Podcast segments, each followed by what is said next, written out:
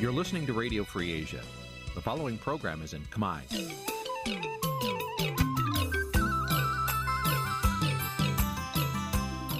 នេះជាកម្មវិធីផ្សាយ Vuthu Azizi Serai នេះជាកម្មវិធីផ្សាយរបស់ Vuthu Azizi Serai ជាភាសាខ្មែរ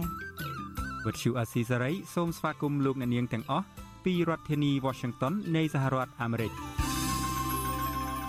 ពីរដ្ឋធានី Washington នាងខ្ញុំសុជីវីសូមជម្រាបសួរ លោកអ្នកនាងអ្នកស្ដាប់ Vuthu Azizi Serai ទាំងអស់ជាទីមេត្រីយើងខ្ញុំសូមជូនកម្មវិធីផ្សាយសម្រាប់ព្រឹកថ្ងៃសុក្រ8រោចខែកដិកឆ្នាំខាលចត្វាស័កពុរសករាជ2566ត្រូវនៅថ្ងៃទី17ខែវិច្ឆិកាគ្រិស្តសករាជ2022ជាដំបូងនេះសូមអញ្ជើញលោកអ្នកនាងស្ដាប់ព័ត៌មានប្រចាំថ្ងៃដែលមានមេត្តាដូចតទៅ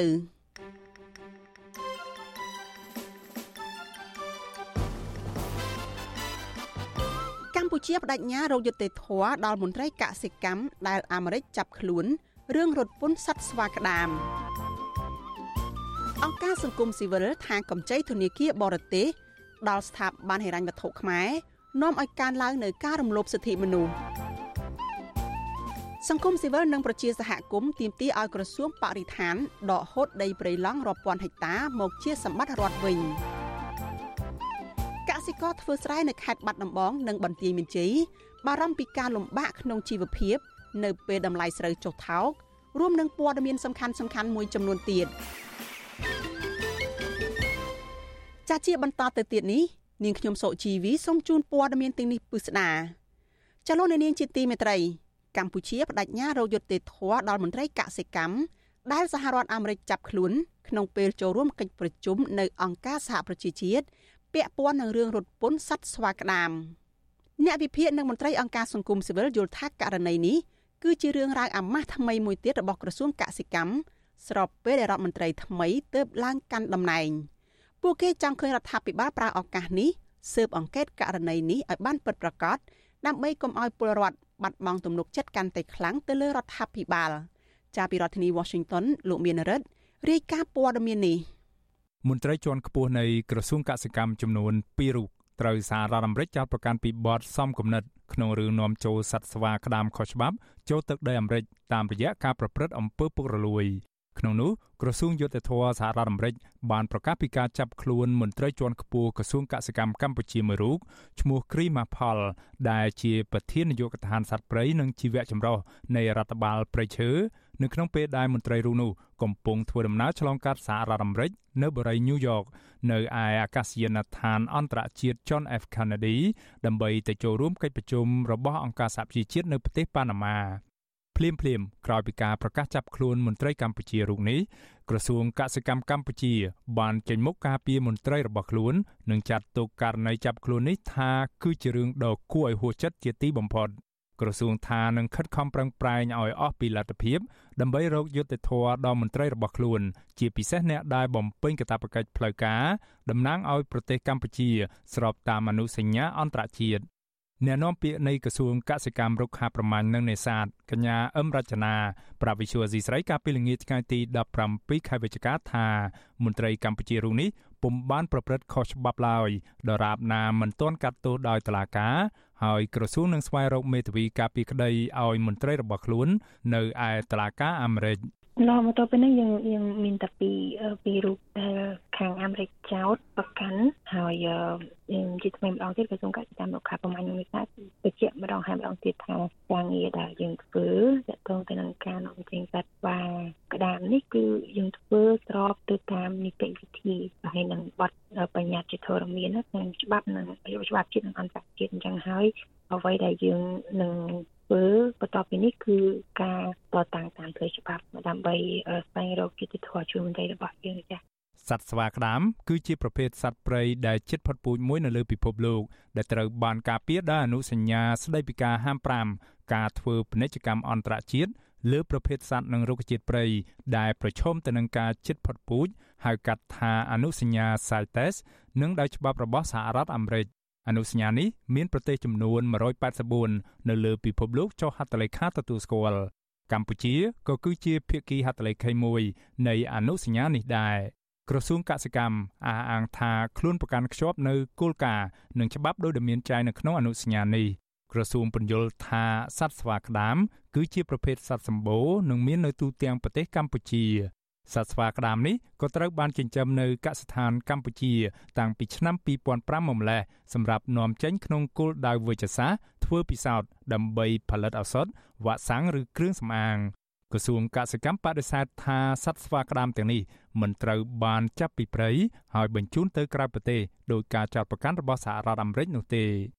អ្នកវិភាគនយោបាយលោកកឹមសុខដែលបច្ចុប្បន្នកំពុងរស់នៅភៀសខ្លួននៅប្រទេសហ្វាំងឡង់ដើម្បីកិច្ចចេញពីការតាមធ្វើទុកបុកម្នេញរបស់រដ្ឋាភិបាលលោកនាយរដ្ឋមន្ត្រីហ៊ុនសែនហៅករណីនេះថាគឺជារឿងអាម៉ាស់ថ្មីមួយទៀតសម្រាប់កម្ពុជា ដែលមិនដែលរកឃើញនិងតែងតែបដិសេធនោះ លោកថាករណីនេះគឺជាឧទាហរណ៍មួយ ដែលអាចបន្លាចដល់មន្ត្រីខិលខូចរបស់លោកហ៊ុនសែនជាសញ្ញាមួយអាចបន្លាចទៅដល់ក្រមមន្ត្រីជាន់ខ្ពស់នៃរដ្ឋាភិបាលលោកហ៊ុនសែនបច្ចុប្បន្នដែរពីព្រោះខ្ញុំនិយាយថាភាគច្រើនលើសលប់ទៅចុះនៃពួកគេ មានជាប់បទអក្រិតបំផ្លាញព្រៃឈើធម្មជាតិបំផ្លាញសត្វព្រៃប្លន់ដីធ្លីប្រជាពលរដ្ឋពាក់ព័ន្ធទៅនឹងការរំលោភច្បាប់ឧទាហរណ៍គ្រឿងញៀនជាដើម ការជួញដូរមនុស្សលាងលុយកខ្វក់ហើយពួកអ្នកទាំងអស់នោះអាចនឹងពិចារណាថាមិនដឹងថាសំណុំរឿងរបស់ពួកគេនៅក្នុងដៃនៃតុលាការប្រទេសណាខ្លះទេហើយពួកគេអាចមានការបារម្ភហើយថាក្នុងដំណាក់កាលនេះនៅពេលដែលលោកហ៊ុនសែនដឹកនាំបែបអំណាចទំនើងចិត្តស្រាប់តែពួកគេចេញដំណើរទៅធ្វើទេសចរក្តីឬធ្វើបេសកកម្មការទូតតំណាងឲ្យប្រទេសកម្ពុជាក្តីអាចមានដីកាហុច មកឲ្យពួកគេដើម្បីខាត់ខ្លួនពួកគេនិងចាប់ពួកគេតែម្ដងបាទក្រសួងយុទ្ធភ័ពសហរដ្ឋអាមេរិកឲ្យដឹងថាក្រៅពីលោក Krima Paul អាមេរិកក៏ចោទប្រកាន់ទៅលើមន្ត្រីជាន់ខ្ពស់ក្រសួងកសិកម្មមួយរូបទៀតគឺលោកកៅអូម៉ាលីដែលជាអគ្គនាយកនៃអគ្គនាយកដ្ឋានរដ្ឋបាលព្រៃឈើរួមទាំងជនជាតិចិនហុងកុងចំនួន6នាក់ទៀតដែលជាប់ពាក់ព័ន្ធទៅនឹងការរកស៊ីជួញដូរទីផ្សារងងឹតនាំចូលឬរត់ពន្ធសត្វស្វាក្តាមខុសច្បាប់ ពីតំបន់អាស៊ីអាគ្នេយ៍ដោយសហការជាមួយមន្ត្រីខិលខូចពុករលួយនៅកម្ពុជាពួកគេទាំងនេះរងនឹងការចោទប្រកាន់ចំនួន8បទចោទពាក់ព័ន្ធទៅនឹងការសំគំនិតនៅក្នុងការនាំចូលដោយខុសច្បាប់និងការរត់ពន្ធសត្វព្រៃកម្រជនទាំងនេះអាចប្រឈមទៅនឹងការជាប់គុកពី5ឆ្នាំរហូតទៅដល់20ឆ្នាំហើយអាចពិន័យជាប្រាក់រហូតទៅដល់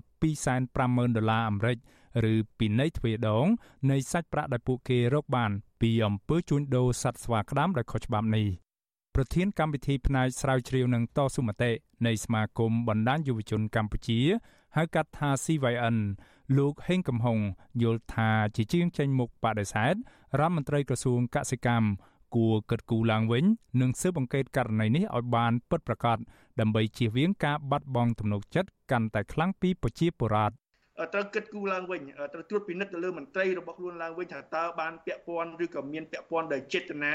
ឬក៏ដោយអចេតនាចំពោះសកម្មភាពខុសច្បាប់ទាំងអស់នេះដែរទេដើម្បីធានាបាននៅមុខមាត់របស់ខ្លួនយើងឃើញថាបើទោះបីជាយ៉ាងណាក៏ដោយខ្ញុំខ្ញុំជឿថាជាឱកាសមួយដែលត្រូវពង្រឹងសមត្ថភាពរបស់ខ្លួននៅក្នុងការទៀមទាបង្កើតឲ្យមានប្រជាប្រិយភាពសម្រាប់គាត់ដែរបើមិនជាមិនធ្វើកិច្ចការណាទាំងអស់ទេឬក៏ដោយតែរដ្ឋមន្ត្រីដដែលដដែលមុនមុនប្រហែលជាធ្វើឲ្យមានការសោកស្ដាយឬក៏បាត់បង់ជំនឿចិត្តពីពលរដ្ឋដោយរដ្ឋមន្ត្រីមួយចំនួនអញ្ចឹងបាទក្រសួងយុតិធធម៌អាមេរិកឲ្យដឹងថាសត្វស្វាក្តាមទាំងនេះត្រូវបានមន្ត្រីកម្ពុជាខົບខិតជាមួយក្រុមអក្រិតជនជួញដូរសត្វព្រៃតាមទីផ្សារងងឹតចាប់ពីក្នុងព្រៃនៅកម្ពុជារួចបន្លំឯកសារថាជាសត្វស្វាក្តាមចិញ្ចឹមក្នុងកសិដ្ឋាន ដើម្បីអាចនាំចូលទៅសហរដ្ឋអាមេរិកយកទៅលក់នៅរដ្ឋ Florida និងរដ្ឋ Texas យ៉ាងហោចណាស់មានសត្វស្វាក្តាមសរុបជាង2600ក្បាល ដែលត្រូវបានគេចាប់ពីក្នុងព្រៃនៅកម្ពុជា ក្នុងតម្លៃប្រកាសជាទឹកប្រាក់ចំនួនជាង9លាន3សែនដុល្លារអាមេរិកហើយត្រូវបានក្រុមជនខិលខូចទាំងនោះនាំចូលដោយខុសច្បាប់ទៅសហរដ្ឋអាមេរិកខ្ញុំបាទមេរិត Visual C ស្រីរាយការណ៍ពីរដ្ឋធានី Washington លោកអ្នកនាងកញ្ញាជាទីមេត្រីលោកអ្នកកំពុងតែតាមដានការផ្សាយរបស់ Visual Asia សេរីផ្សាយចេញពីរដ្ឋធានី Washington សហរដ្ឋអាមេរិកកសិករធ្វើស្រែនៅខេត្តបាត់ដំបងនិងខេត្តបន្ទាយមានជ័យត្អូញត្អែពីតម្លៃស្រូវចុះថោកមិនសូវមានឈ្មួញទិញហើយលក់មិនបានប្រាក់ចំណេញដោះស្រាយជីវភាពគ្រួសារនិងប្រាក់ជំពាក់ធនាគារកសិករធ្វើស្រែអះអាងថាតម្លៃជីតម្លៃប្រេងនិងថ្លៃឈ្នួលច្រូតចេះតែហក់ឡើងជាបន្តបន្ទាប់ តែតម្លៃស្រូវកាន់តែធ្លាក់ចុះមន្ត្រីសង្គមស៊ីវិលយល់ថារដ្ឋាភិបាលនិងស្ថាប័នពាក់ព័ន្ធពិសេសក្រសួងកសិកម្មគួរមានយុទ្ធសាស្ត្រយូរអង្វែងតាក់ទងនឹងតម្លៃស្រូវនេះដើម្បីផ្ដល់ក្តីសង្ឃឹមនិងជួយដល់កសិករនៅក្នុងវិស័យកសិកម្មប្រកបដោយនិរន្តរភាពនិងទំនុកចិត្ត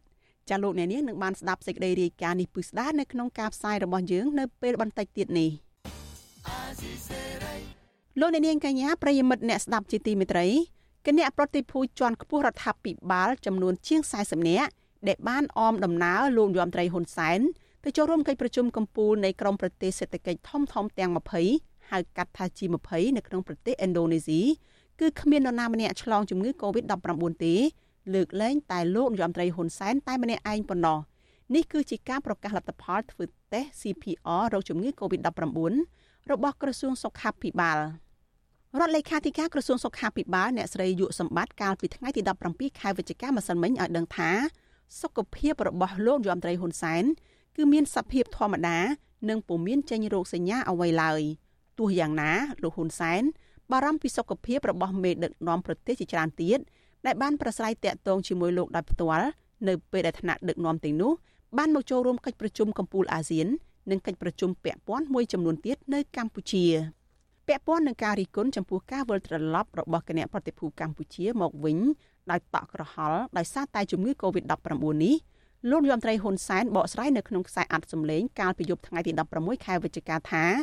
លោកមិនអាចចាត់តំណាងដើម្បីចូលរួមកិច្ចប្រជុំកំពូល G20 បានឡើយព្រោះកម្ពុជាមិនមែនជាសមាជិកនៃក្រុមប្រទេស G20 លោកថាការចូលរួមរបស់លោកគឺក្នុងឋានៈជាប្រធានអាស៊ាន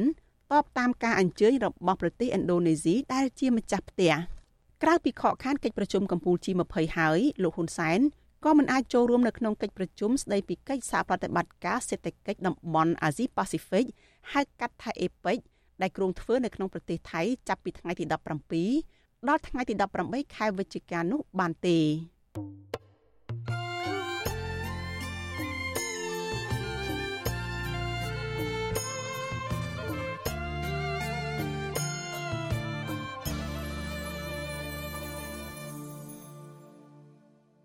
លោកអ្នកនាងកញ្ញាជាទីមេត្រីចាព័ត៌មានតកតងនឹងបញ្ហាសិទ្ធិមនុស្សនៅក្នុងតំបន់អាស៊ានវិញម្ដងគណៈកម្មាធិការអន្តររដ្ឋាភិបាលអាស៊ានទទួលបន្ទុកសិទ្ធិមនុស្សហៅកាត់ថា ICHA បានជួបប្រជុំជាមួយក្រុមការងារអង្គការសហប្រជាជាតិកាលពីថ្ងៃទី17ខែវិច្ឆិកាម្សិលមិញដើម្បីស្វែងរកមធ្យោបាយនៅក្នុងការបង្កើនការចូលរួមជាមួយគ្នា នៅលើវិស័យសិទ្ធិមនុស្សកិច្ចប្រជុំនេះដឹកនាំដោយលោកកៅរេមី ប្រធានគណៈកម្មាធិការសិទ្ធិមនុស្សរបស់រដ្ឋាភិបាល និងតំណាងកម្ពុជាប្រចាំ ICHA ជាមួយគ្នានេះលោកកៅរេមីបានដឹកនាំកិច្ចប្រជុំពិសេសលើកទី2របស់ ICHA ដែលផ្ដោតទៅលើការវិវត្តថ្មីថ្មីពាក់ព័ន្ធនឹងវិស័យសិទ្ធិមនុស្សនៅក្នុងតំបន់អាស៊ានដូចជាការបង្កើតច្បាប់បទបញ្ញត្តិព្រមទាំងកំណត់ដូចផ្ដាំថ្មីថ្មីបូករួមទាំងវឌ្ឍនភាពនៃការអនុវត្តកម្មវិធីអតិភិបរបស់ខ្លួនពាក់ព័ន្ធនឹងសិទ្ធិកុមារ សិទ្ធិជនមានពិការភាពសិទ្ធិមនុស្សនិងបរិស្ថានធុរកិច្ចនិងសិទ្ធិមនុស្សនិងការជួញដូរមនុស្សជាដើមប្រទេសឥណ្ឌូនេស៊ីបានក្លាយជាប្រធានអៃឆានៅឆ្នាំក្រោយនេះដើម្បីបន្តបេសកកម្មលើកកម្ពស់សិទ្ធិមនុស្សនៅក្នុងតំបន់អាស៊ានថ្មីបាអាស៊ានមានគណៈកម្មការអន្តររដ្ឋាភិបាលផ្នែកសិទ្ធិមនុស្សមានសេចក្តីប្រកាសសិទ្ធិមនុស្សផ្ទាល់ខ្លួនហើយមេដឹកនាំអាស៊ានបដិញ្ញាគោរពសិទ្ធិមនុស្សយ៉ាងណាក្តីក៏ស្ថានភាពជាក់ស្ដែងប្រទេសនីមួយៗ នៅក្នុងតំបន់កំពុងចាក់ស្រេះដោយបញ្ហារំលោភសិទ្ធិមនុស្សទៅតាមទម្រង់ផ្សេងផ្សេងគ្នា ជាឧទាហរណ៍ក្រោមការគ្រប់គ្រងនៃរបបសឹកប្រទេសភូមាកំពុងមានអំពើហិង្សាបង្ហូរឈាមសម្រាប់ជនស៊ីវិលរាប់ពាន់នាក់ព្រមទាំងការកាត់ទោសប្រហារជីវិតនិងដាក់ទណ្ឌកម្មទៅលើក្រុមអ្នកនយោបាយនិយមប្រជាធិបតេយ្យចំណែកនៅកម្ពុជាវិញលោកហ៊ុនសែនកំពុងដឹកនាំប្រទេសបែបផ្ដាច់ការឯកបកនិងបំបិតសិទ្ធិសេរីភាពមូលដ្ឋានរបស់ពលរដ្ឋ ជាពិសេសសិទ្ធិនយោបាយរបស់ក្រុមអ្នកនយោបាយប្រឆាំងមន្ត្រីសិទ្ធិមនុស្សអន្តរជាតិពិនិត្យឃើញថាករណីរំលោភសិទ្ធិមនុស្សនៅក្នុងតំបន់អាស៊ានបានកើតមានជាបន្តបន្ទាប់និងកាន់តែអាក្រក់ឡើងជាលំដាប់ផ្ទុយទៅវិញក្រុមមេដឹកនាំអាស៊ានមិនបានធ្វើអ្វីដើម្បីដោះស្រាយបញ្ហានេះទេក្នុងបរិបទបែបនេះមន្ត្រីសិទ្ធិមនុស្សជំរុញឲ្យប្រជាជាតិអាស៊ានចងក្រងគ្នាជាបណ្ដាញនិងព្យាយាមកសាងសាមគ្គីភាព និងកម្លាំងឲ្យបានរឹងមាំជាមួយគ្នានេះ ប្រជាជនអាស៊ានត្រូវតែបន្តស៊ូទ្រាំនិងគិតប្រកបដោយភាពច្នៃប្រឌិតជាពិសេសតាក់ទងជាមួយរដ្ឋាភិបាលដទៃទៀតជុំវិញពិភពលោកដែលខ្វល់ខ្វាយអំពីបញ្ហាសិទ្ធិមនុស្សដើម្បីដាក់សម្ពាធលើរដ្ឋាភិបាលរបស់ប្រទេសពួកគេនីមួយនីមួយតកតងនឹងបញ្ហាសិទ្ធិមនុស្សនេះអគ្គលេខាធិការអង្គការសហប្រជាជាតិលោកអង់តូនីញ៉ូហ្គូតេរ៉េសកាលពីសប្តាហ៍មុនបានអំពាវនាវរដ្ឋាភិបាលលោកហ៊ុនសែនបើកលំហសិទ្ធិជាមូលដ្ឋានរបស់ពលរដ្ឋនិងអង្គការសង្គមស៊ីវិលឡើងវិញ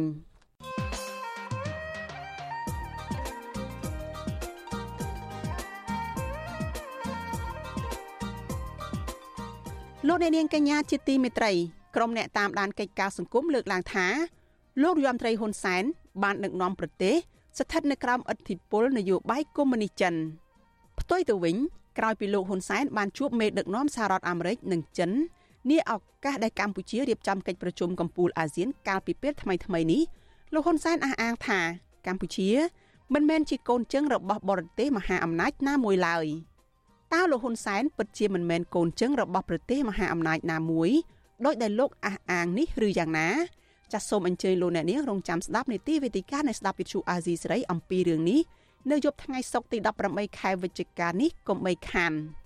ចាលោកអ្នកនាងអាចចូលរួមបញ្ចេញមតិយោបល់ឬសួរវាគ្មិនរបស់យើងដោយដាក់លេខទូរស័ព្ទរបស់លោកអ្នកនាងនៅក្នុងខ្ទង់ comment របស់ Facebook ឬ YouTube របស់វិទ្យុអាស៊ីសេរី ចាស់ក្រុមការងាររបស់យើងនឹងហៅទៅលោកអ្នកនាងវិញចាសសូមអរគុណ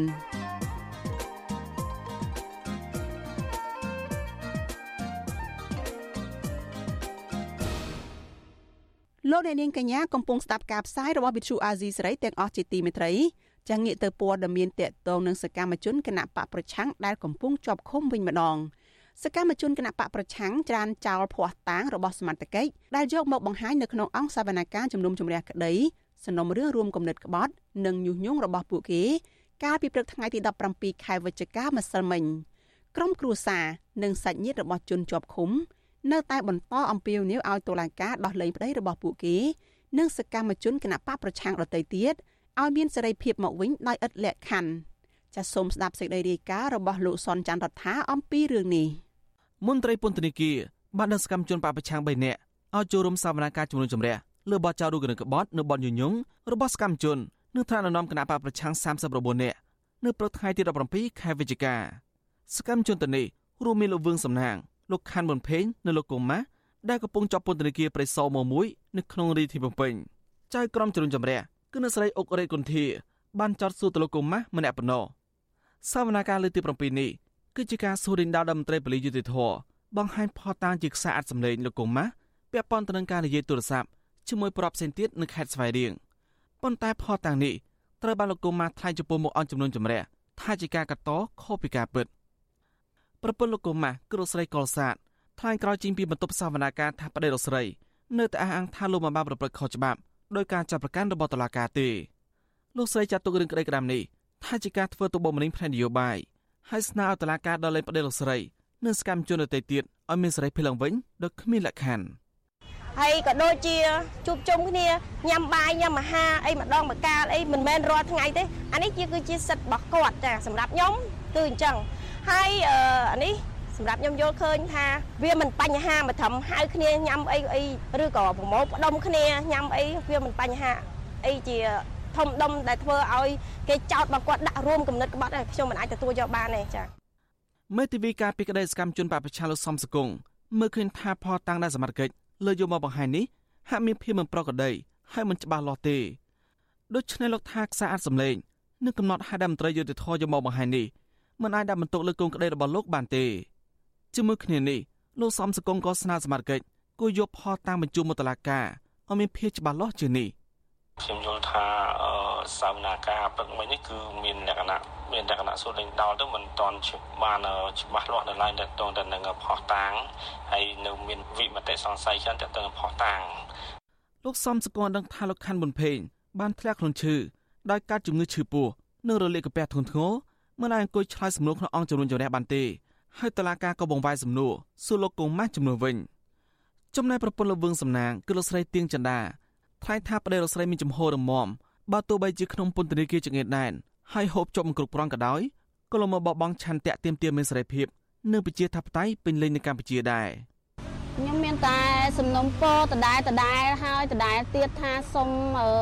ផ្ដល់សិទ្ធិផ្ដល់សេរីភាពដល់ប្តីខ្ញុំក៏ដូចជាបងបងដែរជាប់ពន្ធនាគារនឹងរសារពួកគាត់ក៏ដូចជាខ្ញុំនឹងគឺសិតតែអ្នកលំបាកហើយខ្វះខាតដូចគ្នាអញ្ចឹងបើសិនជា នៅតែយកទៅយកមកមួយអាទិត្យម្ដង10ថ្ងៃម្ដងអញ្ចឹងពួកខ្ញុំពិបាកណាបងដោយសារយើងឡើងចុះឡើងចុះវាមិនស្រួលអញ្ចឹងណាអញ្ចឹងនៅតែនិយាយដដែលដដែលថាសុំសំណុំពរឲ្យគាត់នឹងទម្លាក់រាល់ការចោទទាំងអស់ហើយដល់សិទ្ធិសេរីភាពដល់ប្តីរឿងខ្ញុំវិញតាក់ទងរឿងនេះមន្ត្រីសមាគមសិទ្ធិមនុស្សអាត់ហុកលោកយីសុកសាន ដែលបានចូលរួមអង្កេតក្នុងសវនាការនេះយល់ឃើញថារឿងក្តីក្តាំនេះតុលាការគូពិចារណាលើអ្នកនយោបាយធំធំ ដែលឲ្យប្រកាសងារមកពិភាក្សាគ្នាដោះស្រាយតាមផ្លូវនយោបាយវិញទើបឲ្យបញ្ចប់សំណុំរឿងនេះតាមរយៈការសម្របសម្រួលអ្វីដែលយើងកត់សម្គាល់មួយទៀតគឺឃើញខាងក្រមឬក៏ដូចជាប្រញ្ញាហាក់ដូចជាហាក់ដូចជាចោតគ្រាន់តែឲ្យគាត់សារភាពគាត់រកជាចំណុចឲ្យគាត់ឲ្យគាត់សារភាព ដើម្បីឲ្យបញ្ចប់ទៅការសួរដេញដោលប៉ុន្តែគាត់មិនបានសារភាពទេដោយសារគាត់ថាអ្វីដែលគាត់ធ្វើគឺគាត់មិនខុសគ្រាន់តែចូលរួមហើយគាត់ដូចជាការសម្ដែងមតិក្នុងចំណោមសកម្មជនបពប្រឆាំង39នាក់ដែលត្រូវបានតុលាការចាប់ប្រកាន់ពីបករូបគណិតក្បត់នេះតុលាការក៏បានចាប់ប្រកាន់ថ្នាក់ដឹកនាំគណៈបពប្រឆាំងដូចជាលោកសំរងស៊ីអ្នកស្រីមូសុខួរនិងលោកអេងឆេអ៊ីងជាដើមចំណែកសកម្មជនផ្សេងៗទៀតដែលរងបាត់ចាត់ជាមួយគ្នានេះ ពួកគេភ័យច្រើនកំពុងរត់ភៀសខ្លួននៅក្រៅប្រទេសថ្មីថ្មីនេះប្រធានាធិបតីអាមេរិកលោកโจ Biden បានថ្លែងសារដល់គម្រោទល់មុខលហ៊ុនសែនស្នើកម្ពុជាស្ដារលទ្ធិប្រជាធិបតេយ្យហើយដោះលែងអ្នកទស្សនយោបាយឲ្យមានសេរីភាពឡើងវិញនៅមុនការបោះឆ្នោតឆ្នាំ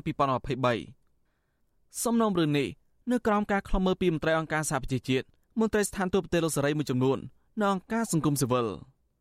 សាលាដំបងនៅបន្តបោះសវនាការចំនួនចម្រះសំណុំរឿងនេះនៅថ្ងៃទី24វិច្ឆិកាកុម្ភៈនេះ ខ្ញុំសនចាររថាវិទ្យុអេស៊ីសេរីរាយការណ៍ពីរដ្ឋធានីវ៉ាស៊ីនតោនលោកនាងកញ្ញាប្រិយមិត្តជាទីមេត្រីចាងាកទៅព័ត៌មានតកតងនឹងបំណុលរបស់ពលរដ្ឋឯនេះវិញចាក្រុមអង្គការសង្គមស៊ីវិលជាតិនិងអន្តរជាតិបារម្ភថាការផ្ដាល់កម្ចីរបស់ធនាគារវិនិយោគហេដ្ឋារចនាសម្ព័ន្ធអាស៊ីហៅកាត់ថា AIIB មកធនាគារអេស៊ីលីដានិងគ្រឹះស្ថានមីក្រូហិរញ្ញវត្ថុប្រសាដែលស្ថាប័នទាំងនេះជាប់ពាក់ព័ន្ធនឹងការរំលោភសិទ្ធិមនុស្ស បង្កឲ្យមានការបណ្តេញពលរដ្ឋចេញពីលំនៅឋាន និងរំលោភសិទ្ធិមនុស្សកាន់តែច្រើនបន្ថែមទៀតកង្វល់នេះកើតឡើងខណៈដែលធនាគារ AIIB បានអនុម័តទឹកប្រាក់ជិត200លានដុល្លារអាមេរិកដើម្បីផ្ដល់ប្រាក់ឲ្យធនាគារអេស៊ីលីដានិងគ្រឹះស្ថានមីក្រូហិរញ្ញវត្ថុប្រសាពង្រីកវិសាលភាពនៃប្រាក់កម្ចីរបស់ខ្លួនចាអ្នកស្រីម៉ៅសុធានីរាយការណ៍ព័ត៌មាននេះ អង្គការសង្គមស៊ីវិលកម្ពុជារួមទាំងអង្គការនៅតំបន់អាស៊ីអាគ្នេយ៍និងនៅតំបន់អឺរ៉ុបសោកស្ដាយដែលធនាគារវិនិយោគហេដ្ឋារចនាសម្ព័ន្ធអាស៊ីហៅកាត់ថា AIIB បានអនុម័តទឹកប្រាក់ចំនួន2លើកដែលមានចំនួនសរុប175លានដុល្លារអាមេរិកមកធនាគារអេស៊ីលីដានិងគ្រឹះស្ថានមីក្រូហិរញ្ញវត្ថុប្រាសាក់ ទោះបីជាមានការរីកាជាច្រើនឆ្នាំមកហើយថាមានការរំលោភសិទ្ធិមនុស្សនៅក្នុងវិស័យនេះក្តីសេចក្តីថ្លែងការណ៍របស់ក្រុមអង្គការសង្គមស៊ីវិលចុះថ្ងៃទី17ខែវិច្ឆិកាលើកឡើងថាគឺជារឿងគួរឲ្យសោកស្ដាយដែលធនាគារ AIIB បានសម្រេចចិត្តចាប់ផ្ដើមវិនិយោគនៅក្នុងវិស័យមីក្រូហិរញ្ញវត្ថុនៅកម្ពុជា ក្នុងពេលដែលបញ្ហាប្រាក់កម្ចីគឺជារឿងក្តៅគគុកក្រោយពីមានរបាយការណ៍គួរឲ្យជឿទុកចិត្តមួយចំនួន របស់អង្គការសង្គមស៊ីវិលអ្នកសារព័ត៌មាន និងការសិក្សាដែលផ្ដល់ជំនួយដល់វិនិយោគិនបានរកឃើញបញ្ហាជាច្រើននៃការរឹបអូសដីធ្លី ការបាត់បង់ជីវភាពរស់នៅសមរម្យផលប៉ះពាល់លើបញ្ហាសុខភាព ការបាត់បង់ដីធ្លីរបស់ជនជាតិដើមភាគតិចអសវត្ថភាពស្បៀងអាហារនិងពលកម្មកុមារជាដើមនាយកទទួលបន្ទុកកិច្ចការទូតនៃអង្គការលីកាដូលោកអំសំអាតសោកស្ដាយដែលធនាគារ AIIB មិនបានសិក្សាពីការគោរពសិទ្ធិមនុស្សលើបញ្ហាប្រាក់កម្ចីនៅកម្ពុជា លោកបន្តថាធនាគារអេស៊ីលីដានិងគ្រឹះស្ថានមីក្រូហិរញ្ញវត្ថុប្រាសាក់កំពុងរងបណ្ដឹងពីកូនបំណុលដែលបានប្តឹងទៅស្ថាប័នឃ្លាំមើលនៃសជីវកម្មហិរញ្ញវត្ថុអន្តរជាតិថាបានរំលោភសិទ្ធិមនុស្សនិងបានបណ្តេញបរិវត្តចេញពីលំនៅឋាន លោកអំសំអាតចង់ឃើញធនាគារ AIIB មានការសិក្សាឲ្យបានច្បាស់លាស់ជាមុនសិនមុននឹងសម្រេចវិនិយោគវិស័យមីក្រូហិរញ្ញវត្ថុដែលជាប់ពាក់ព័ន្ធនឹងការផ្ដល់ប្រាក់កម្ចីបែបកេងប្រវ័ញ្ចនិងការរំលោភបំពាន គួរតែដោះស្រាយបញ្ហានឹងឲ្យចប់ហើយចាំធ្វើការវិនិយោគអានោះគឺវិជាការលក្ខណៈល្អប្រសើរដើម្បីធ្វើការកំណែប្រងទៅលើប្រព័ន្ធមីក្រូហិរញ្ញវត្ថុនិងធនាគារហ្នឹងកុំឲ្យមានករណីតែរំលោភពានទៅលើសិទ្ធិឬក៏រំលោភបំពានទៅលើអ្នកខ្ចីនឹងបន្តទៀតបាទធនាគារ AIIB គឺជាធនាគារវិនិយោគពហុភាគីជាមួយសមាជិកចំនួន105នៅតាមបណ្ដាប្រទេសនានា កាលពីខែមេសាឆ្នាំ2022ធនាគារ AIIB បានអនុម័តអនុទានទំហំ75លានដុល្លារទៅឲ្យគ្រឹះស្ថានមីក្រូហិរញ្ញវត្ថុប្រាសាក់ដើម្បីបង្កើនការផ្ដល់កម្ចីដល់សហគ្រាសមីក្រូហិរញ្ញវត្ថុធុនតូចនិងមធ្យមមួយខែបន្ទាប់មកធនាគារដដែលនេះក៏បានអនុម័តអនុទានទំហំ100លានដុល្លារថែមទៀត ទៅឲ្យធនាគារអេស៊ីលីដាដើម្បីពង្រីកវិសាលភាព នៃការផ្ដល់កម្ចីដល់សហគ្រាសមីក្រូហិរញ្ញវត្ថុធុនតូចនិងមធ្យមក្រុមអង្គការសង្គមស៊ីវិលរកឃើញថាស្ថាប័នផ្ដល់កម្ចីអនុទានខ្នាតតូចនៅកម្ពុជានេះទៀមទាបានកម្មសិទ្ធិដីធ្លីដើម្បីដាក់ជាទ្រព្យធានាហើយដែលជាការអនុវត្តមួយត្រូវបានរិះគន់ថាជាគម្រោងមួយដែលគ្មានក្រមសីលធម៌និងបង្កើតឲ្យមានការបាត់បង់ជំរកជាច្រើន ស្ថាប័នផ្ដល់កម្ចីអនុទានទាំងពីរនេះដែលត្រូវបានជ្រើសរើសដោយធនាគារ AIIB បានរាយការណ៍ថាជាង90%នៃផលប័ត្រអនុទានរបស់ពួកគេ គឺមានការដាក់ទ្រព្យធានាបើសិនបើគ្មានកំណែតម្រង់ទាំងនេះទេ នោះការវិនិយោគនៅក្នុងវិស័យមីក្រូហិរញ្ញវត្ថុនៅកម្ពុជានឹងមានហានិភ័យដល់ការខូចខាតទ្រព្យបញ្ចាំ តកតងបញ្ហានេះវិទ្យុអសីស្រីមិនអាចសុំការឆ្លើយតបពីប្រធាននាយកប្រតិបត្តិធនាគារអេស៊ីលីដាលោកអិនច័ន្ទនីនិងអគ្គនាយិកាធនាគារជាតិនៅកម្ពុជា អ្នកស្រីជាសេរីបានទេនៅថ្ងៃទី17ខែវិច្ឆិកាចំណែកអនុនាំពាក្យគណៈបកប្រជាជនកម្ពុជាវិញ លោកឈឹមផលវរុនសូមមិនធ្វើអត្ថាធិប្បាយជុំវិញបញ្ហានេះឡើយ រីឯនាយកប្រតិបត្តិនៃអង្គការសមត្ថៈកម្ពុជា លោកអៀងវុធីដែលបានតាមដានរឿងនេះបានប្រាប់បច្ចុប្បន្នស៊ីស្រីថាធនាគារ AIIB មិនទាន់ផ្ដល់សាច់ប្រាក់កម្ចីរបស់ខ្លួន មកធនាគារអេស៊ីលីដានិងគ្រឹះស្ថានមេក្រូហិរញ្ញវត្ថុប្រាសាក់នៅឡើយទេ មន្ត្រីសិទ្ធិមនុស្សរូបនេះស្នើទៅធនាគារ AIIB គួរសិក្សាពីផលវិបាកនៃការផ្ដល់ប្រាក់កម្ចីរបស់ខ្លួន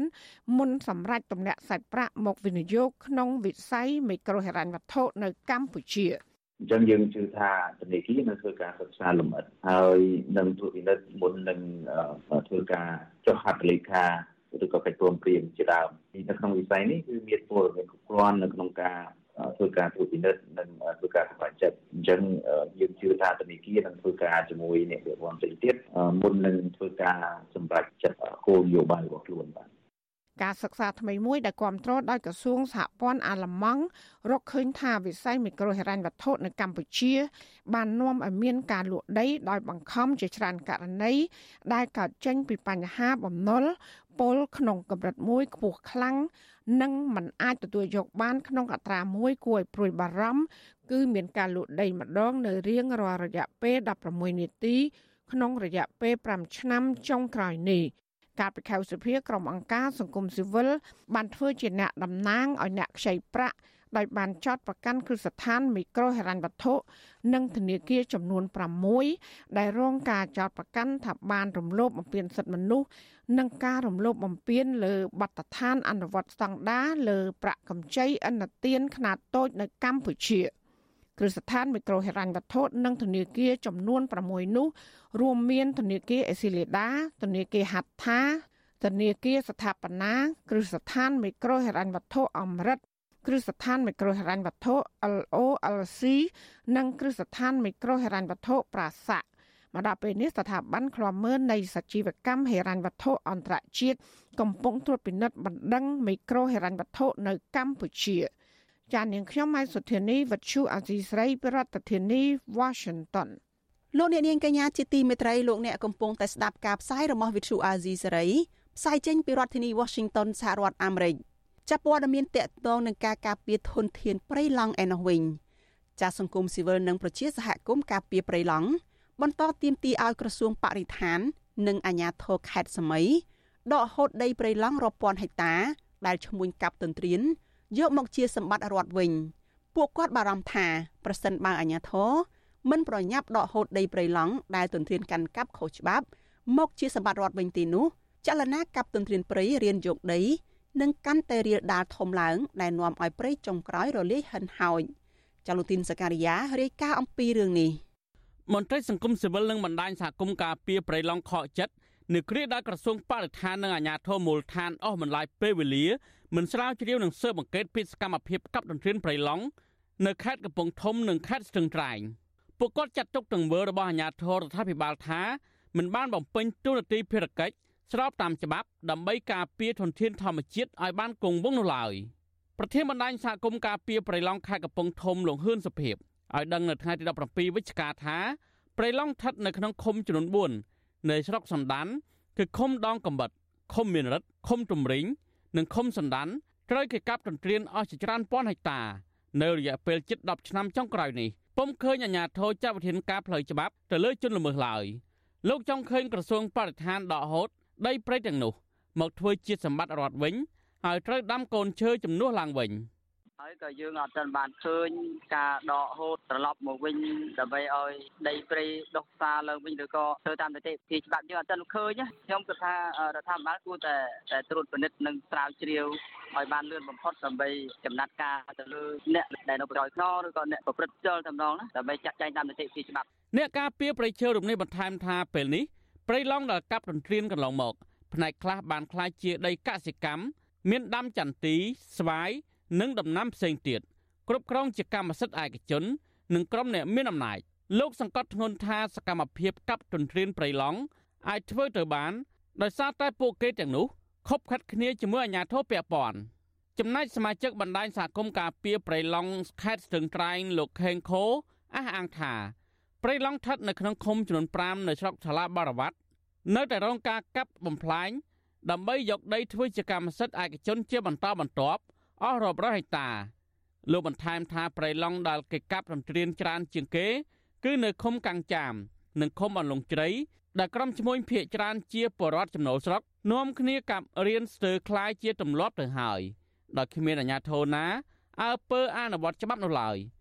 លោកថាបន្ទាប់ពីកាប់បន្ទិលរួចមានផ្នែកខ្លះគេទុកចោលនិងផ្នែកខ្លះទៀតគេឈូសឆាយឲ្យคล้ายជាវាលរហោឋានធំល្វឹងល្វើយ ដែលខ្ញុំមើលឃើញចាស់ខ្លាំងគឺឃើញពិតប្រកបគឺកັບទន្ទឹមឲ្យពិតប្រកបឲ្យពួកខ្ញុំមិនអញ្ញាខ្ញុំមិនដឹងជូនទៅមើលបើមិនរឿងពិតចាប់ដាក់គុកទៅពួកខ្ញុំនឹងទទួលប៉ុន្តែបើសិនជាមានការកាប់ទន្ទ្រានយកធ្វើជាកម្មសិទ្ធិមានលោកឯងមិនអនុវត្តច្បាប់លោកឯងក៏ទទួលគុកជំនួសខ្ញុំទៅបើសិនទៅឃើញមែនរបាយការណ៍ពីប្រជាសហគមន៍ប្រៃឡង់បន្ថែមថាមកទល់ពេលនេះប្រៃឡង់នៅចំណុចភូមិមននិងភូមិវាលពោឃុំអន្លង់ជ្រៃត្រូវគេកាប់អស់រាប់រយហិកតាជាថ្មីទៀតរីឯព្រៃឡង់នៅចំណុចវាលព្រិច ក្នុងភូមិមលងជ្រៃឃុំមលងជ្រៃក៏ត្រូវគេកាប់បំផ្លាញអស់ជាង1000ហិកតានៅរយៈពេលជាង6ខែចុងក្រោយដែរចំណែកព្រៃឡង់ស្ថិតនៅក្នុងឃុំកាំងចាមក៏ត្រូវគេកាប់ទន្ទ្រានអស់រាប់រយហិកតាដែរវិទ្យុអាស៊ីសេរីមិនអាចតាក់ទងអ្នកនាំពាក្យសាលាខេត្តស្ទឹងត្រែងលោកម៉ែនគង់និងអភិបាលខេត្តកំពង់ធំលោកងួនរតនាដើម្បីសំសួរអំពីបញ្ហានេះបាននៅឡើយទេនៅថ្ងៃទី17វិច្ឆិកា ចំណែកអ្នកនាំពាក្យក្រសួងបរិស្ថានលោកនេតភេត្រាក៏មិនអាចតាក់ទងបានដែរនៅថ្ងៃទី17វិច្ឆិកាដដែលនេះសហគមន៍ប្រៃឡង់បន្ថែមថាសកម្មភាពកាប់ព្រៃទន្ទ្រានយកដីធ្វើជាកម្មសិទ្ធិឯកជនក្នុងតំបន់ប្រៃឡង់ធ្វើឲ្យប៉ះពាល់ព្រៃស្រោងជាចម្រោតសត្វព្រៃ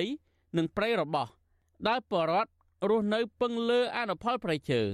បន្ថែមពីនេះទៀតអ្នកកាប់ឈើជាច្រើនក្រុមប្រដាប់ដរណាយន្តបានបោះតង់ក្នុងព្រៃអភិរក្ស ដើម្បីកាប់រៀនព្រៃទាំងតូចទាំងធំរួចដុតកំទេចចោលដើម្បីបំលែងតំបន់នោះទៅជាដីកម្មសិទ្ធិឯកជន